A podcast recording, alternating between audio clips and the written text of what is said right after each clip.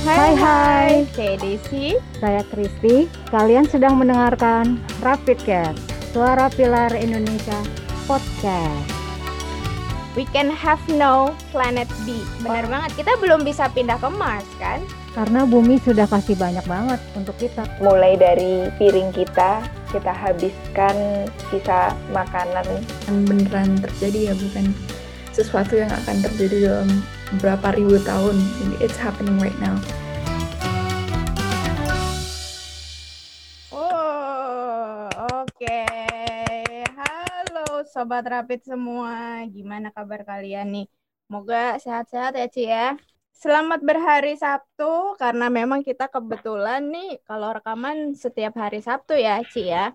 Iya Des, Iya, jadi hari Sabtu hari ini nih lumayan cerah setelah beberapa hari kemarin hujan. Iya nggak sih? exactly.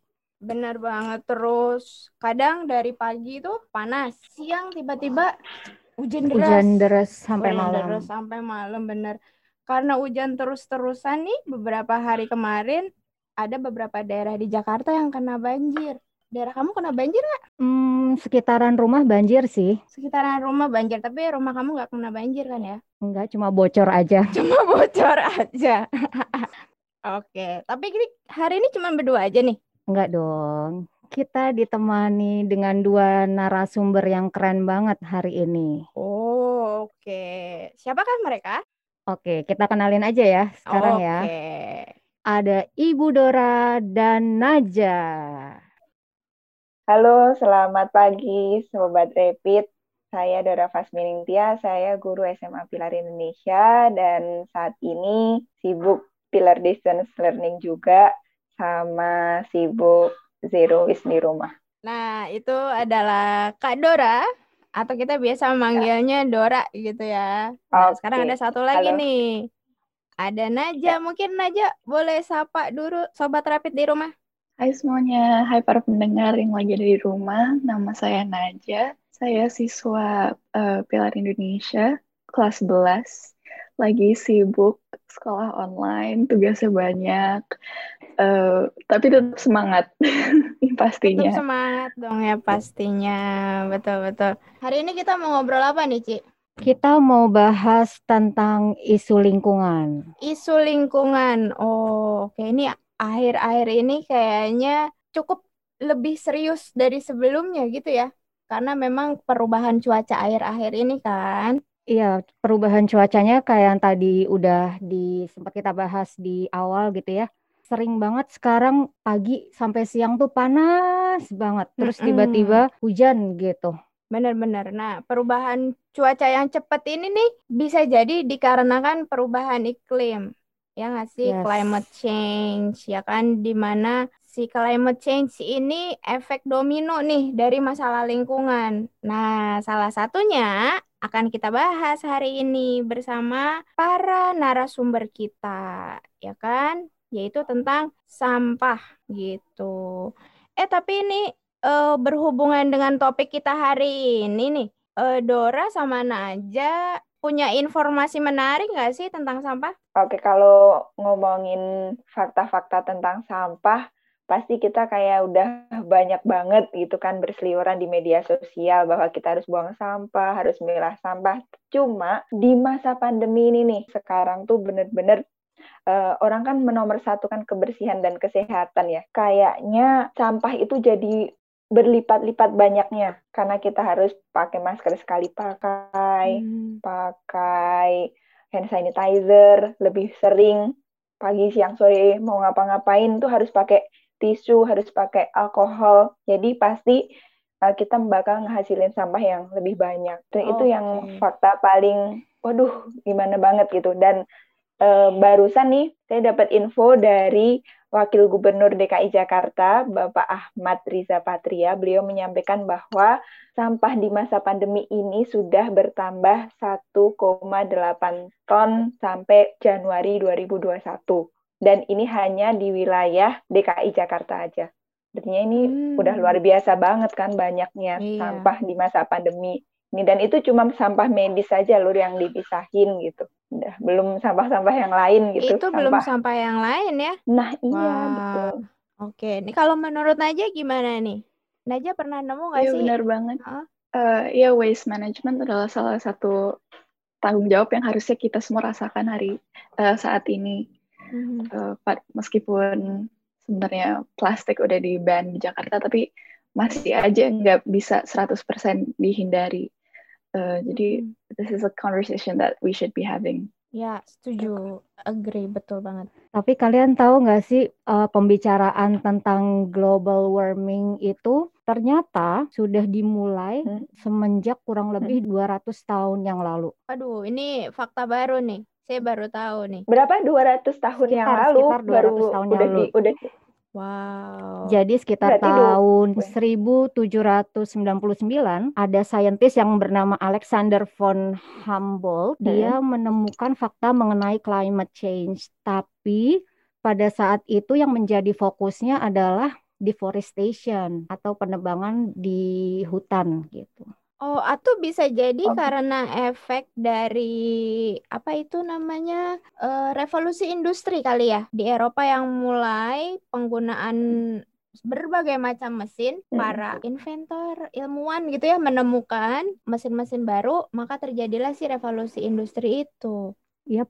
Ah, I see. Sobat Rapid nih ya, aku juga nemuin satu fakta menarik nih berhubungan sama sampah. Ternyata ada satu Hmm. negara di Eropa itu Ya. mereka Hmm. mengimpor sampah. Jadi bukan mengimpor beras kayak kita gitu ya. Kita mengimpor beras dari Thailand, tapi negara ini malah mengimpor sampah. Naja atau Dora tahu nggak negara apa? kalau nggak salah Jerman bukan sih? Jerman bukan Em, bukan ya? tetangganya Jerman, Swedia. Oh, Swedia. Oke, oke. Swedia, Ya, iya. ya mungkin Jadi, berbagi mereka.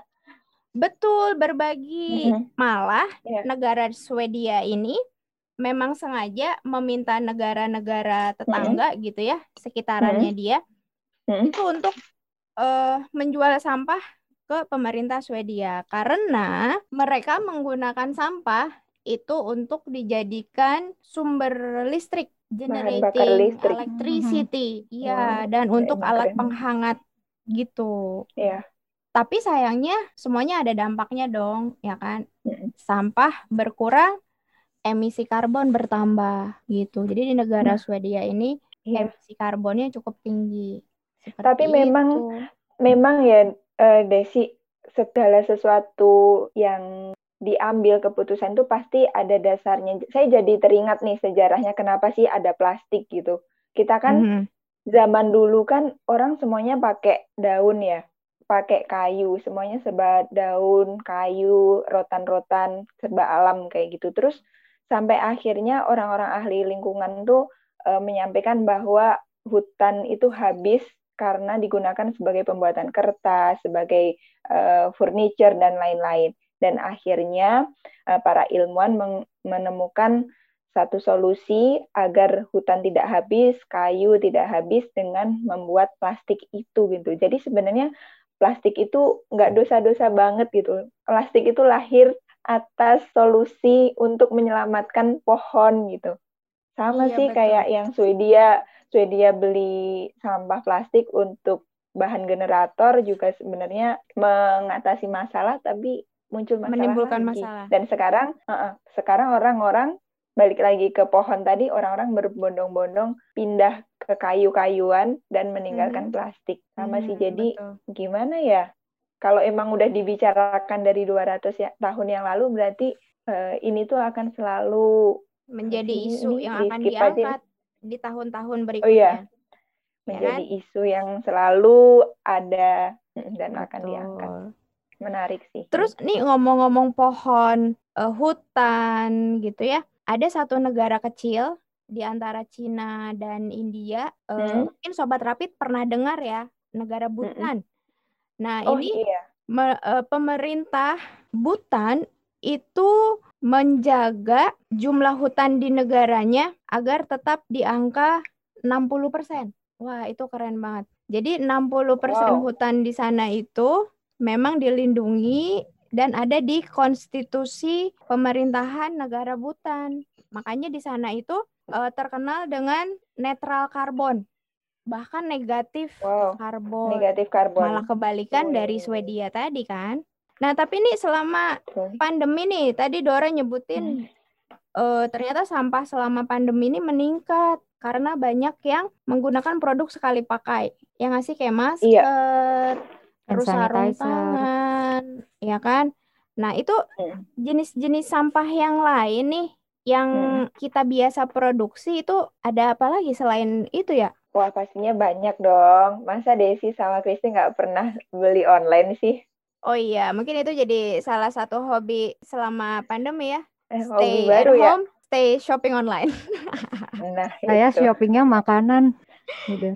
Kalau Naja Iya, iya. gimana Naja nih? Saya masih makanan nggak bisa dihindari Makanan. soalnya. Benar-benar benar. Makanan ya pasti ya pasti kita dalam membeli makanan kan butuh kebersihan, butuh keamanan dan nggak bisa kita membungkus daun tuh udah nggak nggak akan bisa lagi gitu kan pasti pasti itu butuh plastik juga dan emang bener-bener eh, plastik ini tetap jadi sampah nomor satu di Indonesia yang belum teratasi sih makanya saya ini banget loh saya seneng banget waktu denger Naja gabung sama organisasi apa ya Bye bye plastic bags Jakarta. Ah, Bye Bye Plastic Bag Jakarta. Saya pengen loh, Des, ikutan Mhm. itu. Itu gimana sih sebenarnya kalau ngomongin sampah plastik ini kan emang jadi yang nomor satu nih. Kata Kementerian KLH itu kan juga 50% sampah itu didominasi sampah plastik. Nah, banyak organisasi yang concern di bidang itu. Itu Mhm. kita bisa melakukan apa sih gitu loh. Karena saya sendiri masih bingung nih sama pla- sampah plastik, sampah kemasan ini mau dikemanain gitu.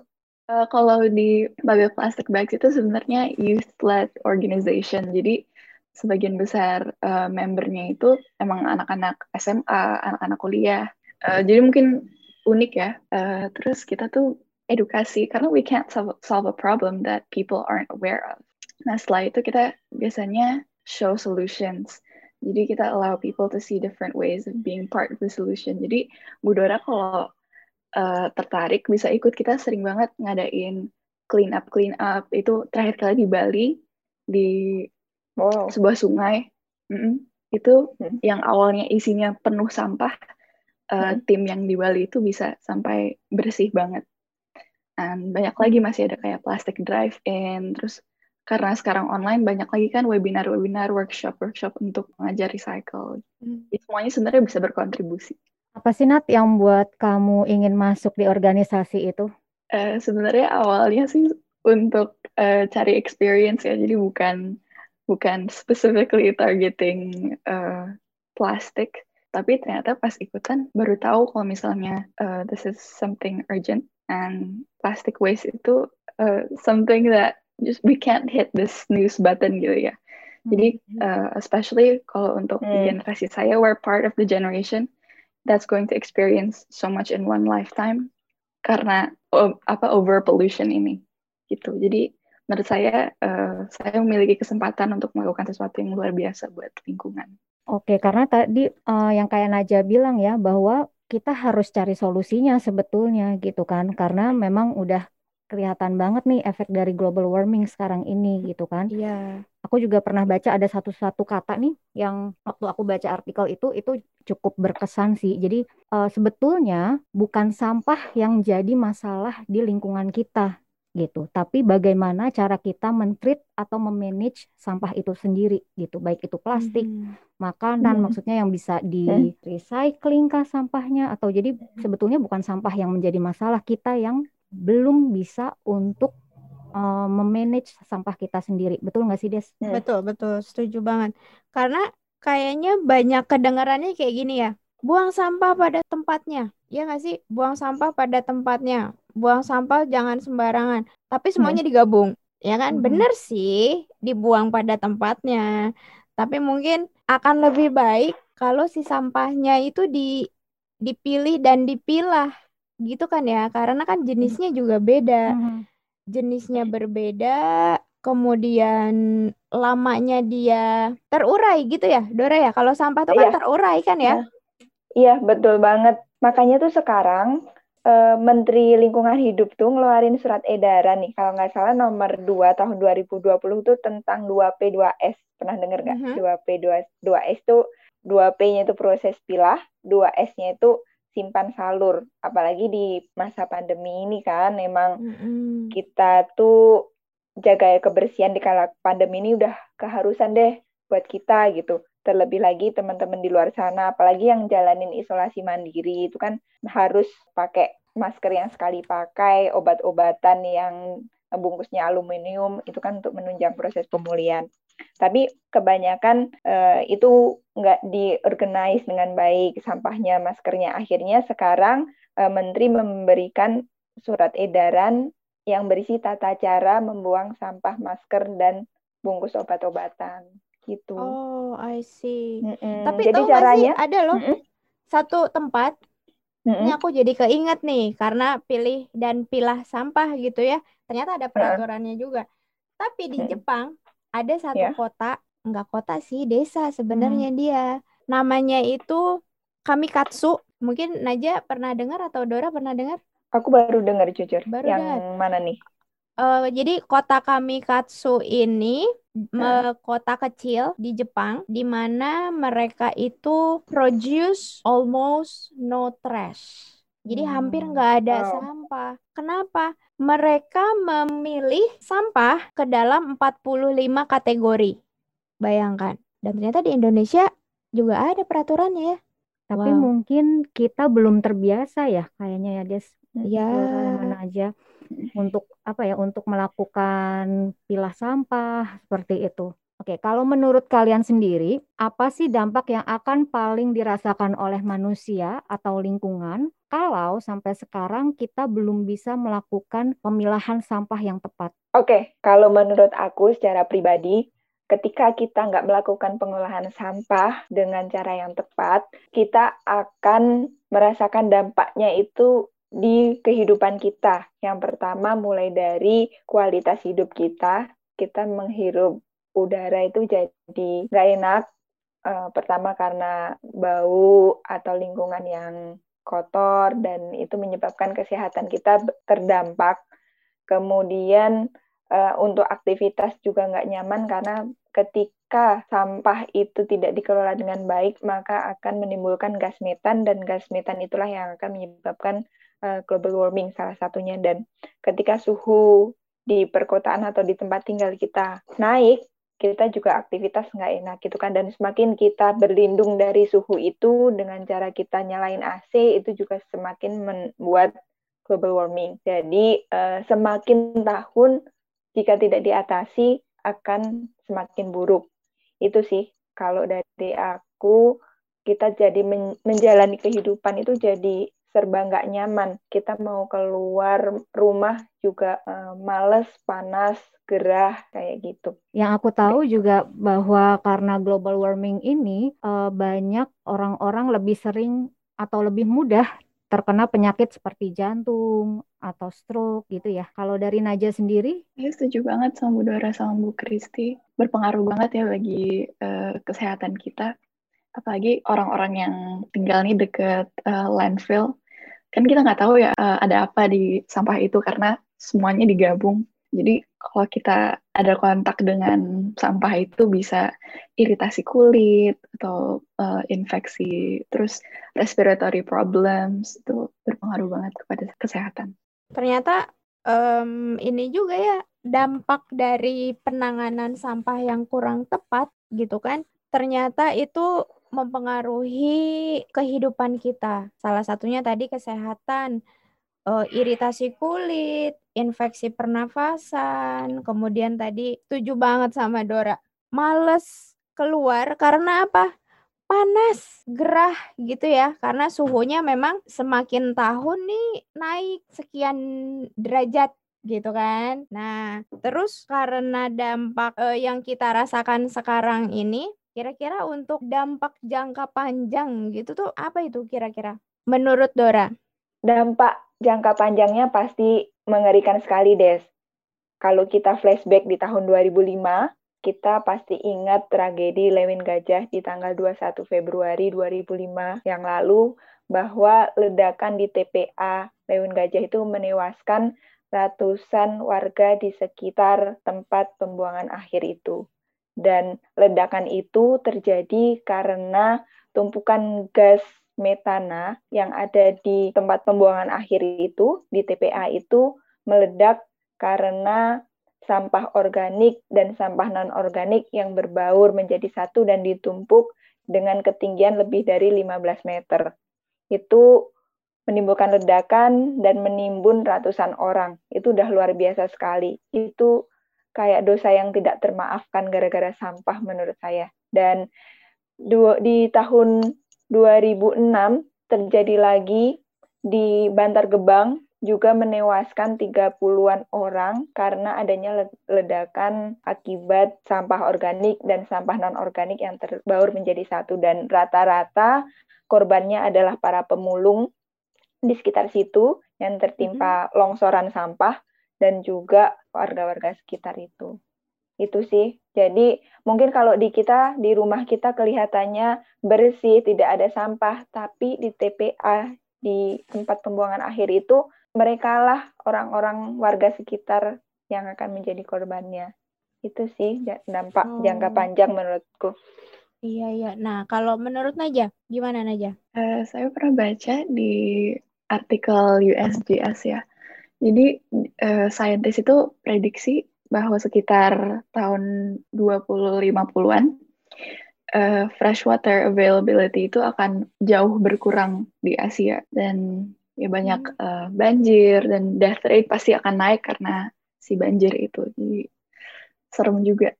Freshwater, freshwater kalau berkurang, aduh kita mau minum air apa? Air hujan mungkin ya besok ya. Nah, kira-kira apa sih yang bisa kita lakukan untuk mengurangi sampah? Karena aku setuju banget dengan apa yang dikatakan Naja tadi. Kita nggak bisa terhindar dari penggunaan plastik, ya kan?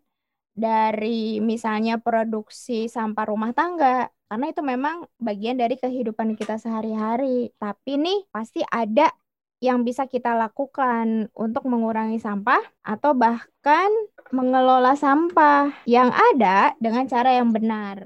Nah, untuk bagian ini, Sobat Rapid Case nggak ke mana-mana, kita kembali setelah yang satu, satu ini. ini.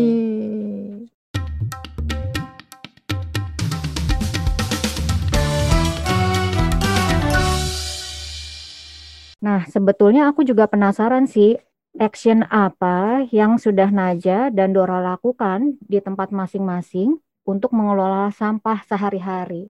Oke, jadi kan pastinya kalau misalnya orang-orang mikir mengelola sampah, uh, the first thing in their mind itu reduce, reuse, recycle. Oke, terus um, padahal mereka tuh fokus banget di recycling, dan padahal uh, itu false solution karena we can't recycle our way out of crisis. Orang-orang selalu lupa kalau sebenarnya itu 5R. Jadi refuse, reduce, reuse, recycle, baru rot. Um, jadi yang selalu saya lakukan itu pertama di reviews dulu. Simpel-simpel aja misalnya kalau kelas nyatet itu sekarang udah ada di laptop semua. Jadi udah nggak pakai kertas lagi. Um, masker banyak uh, menggunakan masker yang nggak sekali pakai udah gitu. Kalau bisa masak di rumah aja biar mengurangi plastik from the delivery itu mending masak di rumah. Jadi uh, selalu saya reviews dulu. Kalau Dora gimana? Kalau aku ditanya action yang sudah aku lakukan di rumah adalah root kalau kata Najwa kan yang paling terakhir root ya. Karena memang kita tahu 50% sampah kita itu adalah sampah organik jadi yang aku lakukan adalah dengan mengompos.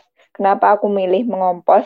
Karena menurut aku ada lima poin utama atau motivasi aku untuk selalu semangat dalam mengompos. Yang pertama itu, aku kalau ngompos, itu aku jadi dekat dengan alam gitu.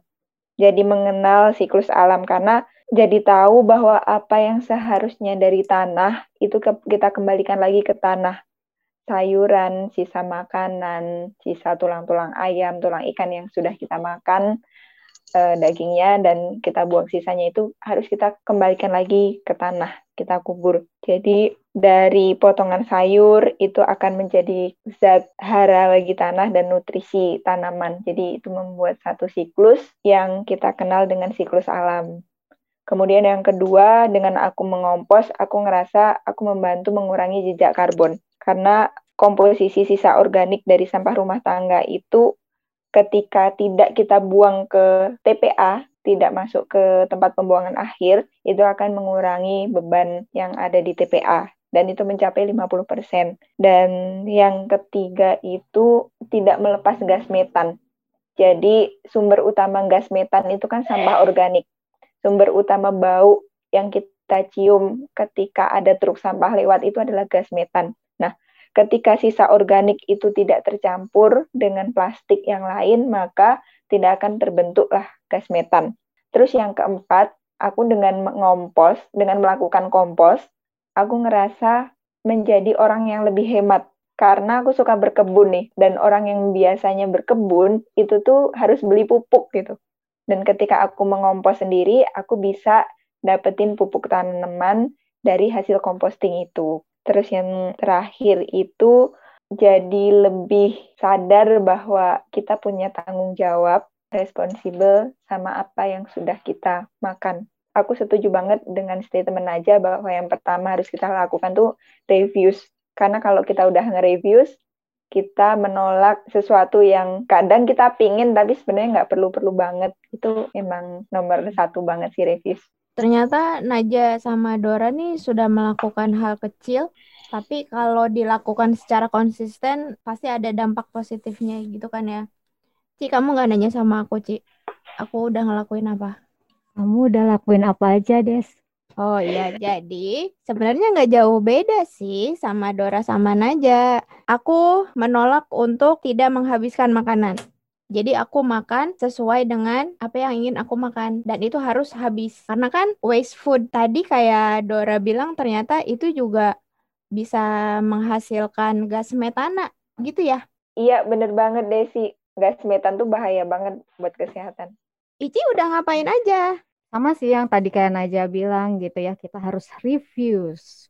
Sebenarnya simple sih banyak yang bisa kita lakukan gitu ya dari reviews itu sendiri gitu. Dengan bawa tas sendiri kalau lagi belanja seperti itu. Dan aku juga udah mulai kalau misalnya beli produk, aku lihat kayak bahannya. Kemarin aku baru beli shampoo itu tempatnya dari plastik yang bisa di recycle atau dari bahan recycle gitu. Kayak gitu. Dan dia tidak menggunakan uh, bahan-bahan kimia seperti produk-produk yang lain gitu. Dan hmm. sebetulnya kalau kita beli makanan uh, apa namanya kayak GoFood gitu ya, itu sebetulnya ada pilihan kalau kita itu bisa nggak minta alat makan dari plastik gitu. Jadi si tokonya itu, toko makanan itu, kalau misalnya kita on future yang bagian kalau kita nggak mau minta alat makan plastik, itu dia tidak akan mengirimkan alat makanan plastik itu. Oh, dan itu kamu pakai feature itu gitu ya. Mm -hmm. Oke, wah ini juga mudah-mudahan bisa memberikan apa ya ide gitu ya kalau ada sobat rapid yang masih bingung. Aku tuh peduli sama lingkungan aku tapi aku bingung mau mulai dari mana atau apa yang bisa aku lakukan gitu ya. Mungkin hal-hal kecil yang bisa kita lakukan eh, bisa kita mulai dari sekarang kayak gitu ya. Nah, ini tentang ekoenzim. Nah, mungkin sobat rapid nih ada yang sudah pernah dengar tentang tentang ekoenzim gitu ya. Dora atau Naja pernah mendengar tentang ini? Ya, kalau ekoenzim itu udah jadi makanan kesehariannya orang-orang yang zero waste ya. Karena memang eko ekoenzim ini dibuat dengan menggunakan sampah organik dari kulit buah-buahan, bisa kulit jeruk, kulit semangka, kulit nanas, itu tinggal kita campur sama gula dan sama air. Terus kita diemin aja di botol selama tiga bulan, udah nanti akan menjadi ekoenzim. Nah, fungsi dari si ekoenzim ini bisa kita gunakan sebagai bahan pembersih rumah tangga. Jadi bisa menggantiin deterjen, bisa menggantikan sabun cuci piring, gitu Desi. Cuma emang kadang baunya unik sih. Saya nggak bilang nggak Hmm. enak baunya. Kadang baunya itu campuran antara jeruk sama fermentasi dan gula gitu. Baik, ternyata ekoenzim ini bisa dibuat dengan mudah gitu ya, dengan memanfaatkan eh, sampah organik gitu ya. Untuk buat ekoenzim itu butuh waktu berapa lama sih, Dora? Kalau buat ekoenzim itu kurang lebih tiga bulan. Jadi misalkan nih hari pertama kita nyiapin bahan-bahan ada 10 banding 3 banding 1. 10 itu untuk airnya, 3 itu untuk kulit buahnya, dan satu itu untuk gulanya. Kenapa kita pakai gula? Dia sebagai sumber energi yang digunakan untuk membuat enzim itu. Jadi ini adalah kerjasama atau simbiosis mutualisme dari bakteri dengan glukosa dan menghasilkan enzim gitu. Dan enzim ini yang bisa membunuh atau membersihkan kuman-kuman atau lemak-lemak yang ada di piring dan peralatan dapur kita. Biasanya kayak gitu. Dan setelah kita mencampur tiga bahan itu kita diamkan aja tiga bulan nanti dia akan jadi enzim sendiri gitu sesekali kita buka tutupnya karena uh, namanya reaksi anaerob itu kan menghasilkan gas ya. Jadi hmm. akan mengeluarkan karbon dioksida gitu. Kayak waktu kita buka Coca-Cola atau kita buka Sprite kayak ada karbonasi gitu kan. Jadi kayak gitu enzim. Seru deh. Desi sama Kristi sama Najah harus coba.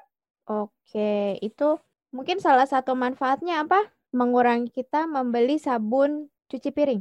Benar nggak? Ya. Hemat uang belanja. Bener banget. Mengurangi sampah plastik karena botol atau kemasan cuci piring. Dan yang pasti mengurangi polusi air. Mengurangi polusi air. Karena ini aman ya. Aman karena aman. kan apa sih air dari pembuangan cuci piring itu kan tetap meresap ke tanah gitu kan dan itu mempengaruhi unsur atau zat hara yang ada di dalam tanah gitu kan. Iya. Kalau kita pakai sabun cuci piring, Desi, bakteri yang ada di tanah itu banyak yang mati karena sabun itu kan mengandung zat kimia. Sedangkan kalau kita pakai ekoenzim buat cuci piring, ya bakteri yang ada di dalam tanah di saluran pembuangan itu ya biasa-biasa aja gitu.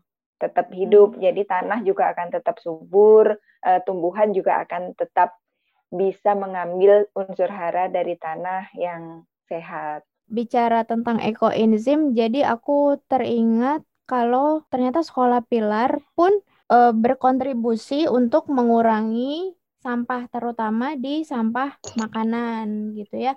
Ini e, ada satu kegiatan di sekolah pilar itu namanya Pilar Zero Waste dan setahu aku Naja itu e, termasuk ke dalam pengurus OSIS SMA ya? Iya benar. Nah, setahu aku ada satu program di, di OSIS SMA Pilar yang memang berhubungan dengan pengurangan sampah gitu. Mungkin dari Naja bisa dijelasin program dari OSIS-nya itu apa? Uh, program OSIS-nya ini judulnya Pilar Thinks Green. Jadi kita mau ngasih tahu kalau um, anak-anak Pilar tuh juga peduli tentang uh, lingkungan. Terus kalau program OSIS ini uh, kayaknya lebih simpel aja. Kita bikinnya kayak 14 14 day challenge. Terus di di dalam satu hari itu akan ada satu challenge yang sebenarnya simpel banget tapi kita harap akan membuka uh, pikiran students ini. Contohnya, saya satu hari ini kita uh, harus nonton eco film, terus nanti terus nanti kita summarize sendiri. Habis itu hari kedua misalnya um, kita belajar buat mengelola sampah. Jadi seperti itu selama dua minggu. Selama dua minggu. Ini sudah dilakukan atau baru akan untuk next program? Baru akan dilakukan. Yes, baru next akan. program. Baru akan dilakukan. Oke. Wah, ternyata menarik juga ya. Anak-anak pilar nih peduli sekali dengan lingkungan di sekitarnya sampai membuat satu program yang bisa diikuti oleh seluruh siswa sekolah pilar gitu atau sobat rapid juga bisa ikutan gitu ya Naja ya mm-hmm. Iya, betul. Nah, tadi aku sebutin pilar zero waste. Satu kegiatan yang di bisa dibilang dikelola sama Dora nih di sekolah pilar. Mungkin Dora bisa sedikit menjelaskan tentang kegiatan pilar zero waste ini kita ngapain sih? Oke, sebenarnya itu kegiatan kita bersama sih. Jadi mulai dari tim ICC, kemudian sampai dengan SMA, itu ada satu wadah namanya Pilar Zero Waste. Jadi kita mengakomodir kegiatan-kegiatan yang menyangkut isu lingkungan, termasuk juga kegiatan yang kita lakukan setiap hari dulu sebelum pandemi. Aduh, jadi kangen banget ke sekolah. Kita sering setiap harinya kita melakukan uh, memilah sampah. Jadi kita kan makan bersama di kantin, nah sisa makanannya kita pilah sampah dan sisa makanan organik itu kita olah jadi kompos. Kemudian ada kegiatan lagi di greenhouse, kita punya greenhouse, kita punya kegiatan uh, urban farming. Kita sharing-sharing bagaimana bikin hidroponik, aquaponik, dan lain-lain lah, bikin kompos, dan banyak banget kegiatan yang udah kita lakukan sama-sama. Itu sih okay. jadi kangen ke sekolah. Iya, jadi kangen ke sekolah ya. Seru banget sama anak-anak tuh kalau udah nanem-nanem, uh, seru banget. Seru, betul-betul. Iya nih aku juga kangen sama sekolah, ketemu anak-anak. Oke, nah tadi Naja sebetulnya udah sempat uh, sebutin nih tentang sampah plastik di lautan gitu ya di tahun 2050. Hmm. Jadi sebetulnya untuk prediksi itu aku sudah lihat di beberapa tahun belakangan ini gitu. Jadi prediksinya adalah by 2050 there will be more plastic than fish in the ocean. Aku mau tahu dong, menurut kalian seberapa besar peluang prediksi ini akan terjadi melihat situasi kita sekarang ya? Seberapa besar sebenarnya kalau dilihat kondisi sekarang kayaknya lumayan besar ya. Uh, I hate to admit that, tapi I think uh, sekarang mulai mulai banyak organisasi-organisasi yang muncul, especially uh, from the younger kids yang mulai bikin clean up clean up di sekitar island-island seperti Bali dan lain-lain itu mereka membuat perubahan yang besar. Jadi kalau misalnya kita konsisten melakukan itu dan mengajak lebih banyak orang lagi, uh, semoga sih bisa di bawah 50%. Kalau menurut Dora? Saya yakin sih dengan melihat kemajuan teknologi sekarang dan kesadaran awareness dari generasi-generasi muda saat ini, peluang untuk berhasil untuk menyelamatkan lingkungan kita itu akan besar. Kalau kita lihat banyak banget sekarang anak-anak muda yang sudah bergerak di bidang bisnis yang peduli lingkungan kayak misalkan nih kemarin ada siklus refill di uh, dia satu platform yang bikin solusi biar orang-orang nggak pakai kemasan refill lagi. Kemudian ada juga Magalarva, dia mengambil semua sampah organik dari semua hotel di hampir seluruh hotel di Jakarta dan diolah menjadi bukan kompos lagi tapi lebih ke pellet BSF kalau kalian pernah dengar black soldier fly, dia kayak lalat yang diekspor uh, dan digunakan untuk pakan ternak dan skalanya pun juga skala ekspor dan masih banyak lagi anak anak-anak muda yang terjun di dunia bisnis dan ramah lingkungan. Maka kalau kita melihat itu, saya yakin uh, ini bisa berhasil dan ke depan lingkungan kita jadi lebih bersih, sampah-sampah uh, sudah tidak ada lagi yang berserakan di daratan maupun di lautan dan bisa terolah dengan baik. Jadi manajemen sampah atau pengelolaan sampah itu memang nggak bisa dari diri kita saja, tapi memang ini adalah bahu-membahu dari semua elemen, dari semua orang, termasuk juga kita nih sebagai praktisi pendidikan, dan kita mulai dari diri kita, dari tangan kita, apa yang bisa kita lakukan, kita lakukan. Oke, tapi Dora nih, Dora nih kan seorang guru gitu ya, salah satu guru di SMA Pilar gitu. Nah, kalau dari perspektif sebagai guru, peluang itu tuh apakah masih tetap kecil untuk terjadi more plastic than fish in 2050? Oke, okay. more plastic than fish. Ini menyayat hati banget ya kata-kata ini karena memang kalau melihat dari sistem pendidikan sekarang, saya agak pesimis sebenarnya. Karena jujur banyak yang belum melakukan pendidikan atau pengelolaan manajemen tentang si sampah plastik ini. Teori just teori, kayak gitu. Jadi untuk melakukan actionnya banyak sekolah-sekolah yang belum aware, memberikan awareness kepada siswa-siswanya tentang pentingnya uh, reviews menolak dari si sampah plastik ini. Dora dan Naja punya harapan-harapan nggak untuk para pendengar supaya prediksi tersebut semakin mengecil peluangnya?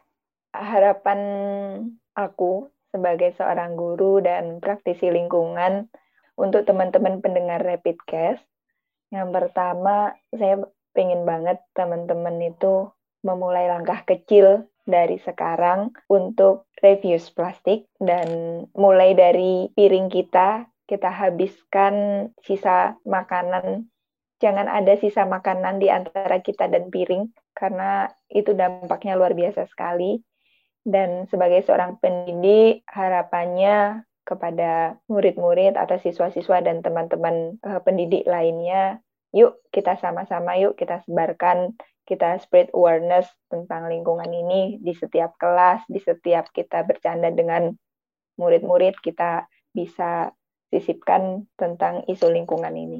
Karena ini bukan hanya sekedar guyonan bahwa ikan akan lebih sedikit daripada plastik, ini benar-benar fakta yang harus kita selesaikan. Ini benar-benar masalah yang nyata yang kalau kita anggap sebagai guyonan dan 2050 akan terjadi ya sudah kita nggak bisa makan ikan lagi. Kalau itu kita remehkan aja.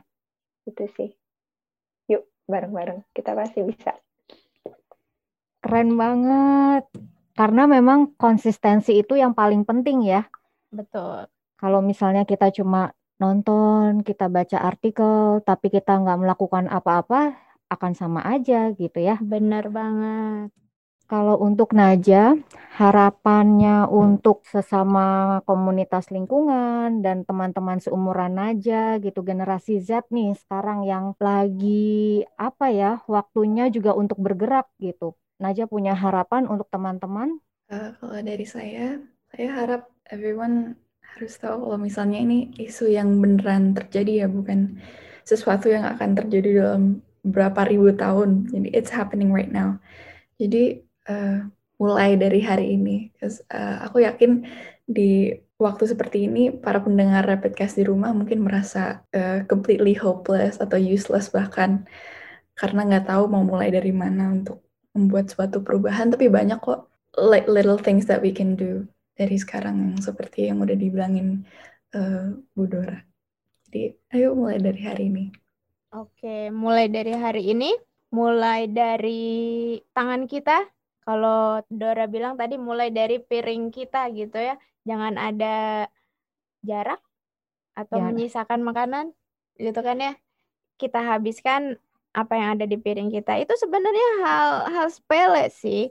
Tapi mungkin masih ada yang oh orang-orang menyisakan makanan gitu. Baik. Nah, sebenarnya ketika kamu Ci nanya tentang peluang 2050 itu ya, ada nggak sih peluangnya itu besar? atau kecil. Tapi untuk beberapa orang nih di Amerika itu mereka sampai memasang analog mungkin itu ya, analog di mana mereka menyebutnya itu adalah climate change clock. Gitu. Jadi itu adalah karya seniman dari namanya tuh Andrew Boyd dan Gen Golan di mana mereka itu artis, seniman tapi aktivis lingkungan juga gitu. Jadi mereka memasang ada namanya metronom. Di situ ditulisin ada tahunnya, ada harinya, jam, menit, bahkan detik. Nah, itu menunjukkan sisa waktu yang kita punya kalau kita tidak um, apa ya peduli dengan lingkungan kita seperti itu, maka ya sudah kesempatan kita untuk hidup di bumi yang bersih, di bumi yang masih sehat, itu akan habis gitu. Dan mereka membuat climate clock ini berdasarkan penelitian dari MCC atau Mercator Research Institution on Global Commons and Climate Change yang ada di Berlin. Gitu. Jadi memang betul sekali kata Naja, ini bukan yang akan terjadi, but it's happening. Sedang sedang berlangsung gitu, ya kan? Oke, berarti sekali lagi ya, poin yang paling penting adalah balik lagi konsistensi kita gitu. Karena kayak misalnya sekarang nih, misalnya teman-teman Rapidcast sudah mendengarkan penjelasan dari Dora, dari Naja gitu. Tapi kalau tidak ada actionnya, itu akan sama aja gitu. Kita nggak akan melakukan perubahan atau tidak akan ada perubahan di sekitar kita seperti itu ya. Walaupun pemerintah pun misalnya sudah buat peraturan-peraturan seperti tadi dibilang 2P2S gitu. Tapi kalau kita nggak perlu bicara tentang masyarakat luas gitu ya, tapi kalau dari diri kita sendiri tidak melakukan hal tersebut, kemungkinan lagi balik lagi gitu ya, sampah akan lebih banyak gitu, mungkin dari binatang yang ada di sekitar kita gitu. Kita juga nggak boleh lupa bahwa antara kita, binatang, air, udara itu saling berhubungan untuk sama-sama bertahan hidup gitu. Setuju banget, Kristi. Wow. Nih, untuk sesi sekarang nih, untuk Dora dan Naja, mungkin ada pesan gitu ya, atau ada kata-kata motivasi buat Sobat Rapid yang sedang mendengarkan agar lebih oh, termotivasi lagi untuk memulai uh, mengurangi sampah gitu. Mungkin dari Naja dulu. Gimana Naja? Um, kalau uh, menurut saya, kalau saya sih uh, termotivasi banget pas ngeliat sih climate clock yang tadi uh, disebutin Bu Desi. Jadi itu kayaknya ide yang bagus banget karena pas saya lihat tujuh tahun langsung, wah langsung um, awareness gitu kan. Uh, jadi mungkin oh, juga uh, apa carbon footprint calculator itu bisa kalian search itu banyak banget di Google kalian search sendiri terus um, bakal ditanyain pertanyaan kayak uh, seberapa banyak uh, kalian makan daging merah, seberapa sering kalian menggunakan transportasi sendiri, itu habis itu akhirnya akan dikalkulate seberapa banyak uh, total gas emisi yang kalian produce sehari-hari, dan itu pasti rasanya akan kena banget. Jadi semoga itu bisa memotivasi um, kalian untuk iya, lebih banget. peduli tentang lingkungan. Benar banget aja, climate clock itu tulisannya tahun ketika aku lihat tujuh tahun, Ci, ah, apakah kita akan hidup tinggal tujuh tahun gitu kan ya? Itu cukup memotivasi juga sih, benar banget Naja. Itu langsung berasa tertampar gitu ya. Apa yang sudah aku lakukan selama ini gitu, sampai-sampai kok tinggal sisanya tuh tujuh tahun untuk menjaga bumi tetap sehat gitu kan ya. Nah kalau dari Dora nih, ini motivasi yang selalu aku pegang teguh ketika aku lagi capek untuk ngompos atau lagi nggak semangat atau lagi nggak konsisten, aku selalu ingat bahwa apa yang sudah kamu lakukan untuk bumi, apa yang sudah kamu berikan untuk bumi, apa yang sudah kamu lakukan untuk menyelamatkan bumi. Dan kenapa sih kita harus menyelamatkan bumi? Ya, kita tinggal di sini, kita nggak bisa pindah ke planet Mars belum ya, kita belum bisa pindah ke tempat lain. Jadi selama kita berada di bumi, kita harus jaga lingkungan kita. Nah, dengan cara healthy lifestyle dan zero waste lifestyle. Itu udah jadi bagian bagian yang nggak bisa dipisahkan. Ketika kita zero waste lifestyle, kita akan jadi sehat kok lama-lama. Itu udah kayak itu motivasi aku buat diri sendiri ketika aku nggak konsisten ngompos atau melakukan uh, zero waste lifestyle gitu. Oke, wah pertanyaannya nggak sederhana sih, pertanyaannya aja nggak sederhana gitu ya. Apa yang sudah kita lakukan untuk bumi? Karena bumi sudah kasih banyak banget untuk kita. Gitu. Betul, gitu. dan itu mudah-mudahan bisa memotivasi para pendengar nih untuk coba refleksi gitu ya. Bumi sudah memberi banyak kepada kita, tapi apa yang sudah kita lakukan? Karena bener banget, kita nggak punya tempat lain gitu untuk tinggal gitu kan ya. Seperti ada tulisannya di school strike-nya Greta Thunberg sampai sekarang itu yang buat aku memotivasi untuk mengurangi sampah. We can have plan B, but we can have no planet B. Benar oh. banget, kita belum bisa pindah ke Mars kan? Kayak gitu. Ya, ternyata topik hari ini menarik banget ya Ci ya. Kita bahas tentang sampah yang ada di sekitar kita yang mungkin untuk beberapa orang masih menganggap ah cuman sampah tapi ternyata itu bisa berdampak besar sekali gitu kan apalagi tadi kamu nyebutin tahun 2050 diprediksi jumlah ikan malah berkurang dibandingkan plastik gitu ya. Nah, untuk sobat rapid semua, kalau ada yang mau ikut uh, menanggapi topik ini atau misalnya mau berkomentar atau mau menem bukan menemukan berbagi berbagi fakta menarik tentang sampah atau penanganan sampah gitu ya. Teman-teman bisa mengunjungi Instagram kita di @rapid.cast. Jangan ragu-ragu untuk di-follow. Jangan cuma di-scroll up, scroll down, tapi di-follow juga gitu ya. Terus jangan lupa di share ke teman-teman kamu semua. Baik, nggak lupa juga nih kita mau ngucapin terima kasih yang sangat banyak gitu ya kepada narasumber kita hari ini ada Dora dan Naja. Terima kasih sudah berbagi. Terima kasih untuk mengingatkan kita semua kalau memang penanganan sampah ini sesuatu yang urgent gitu ya.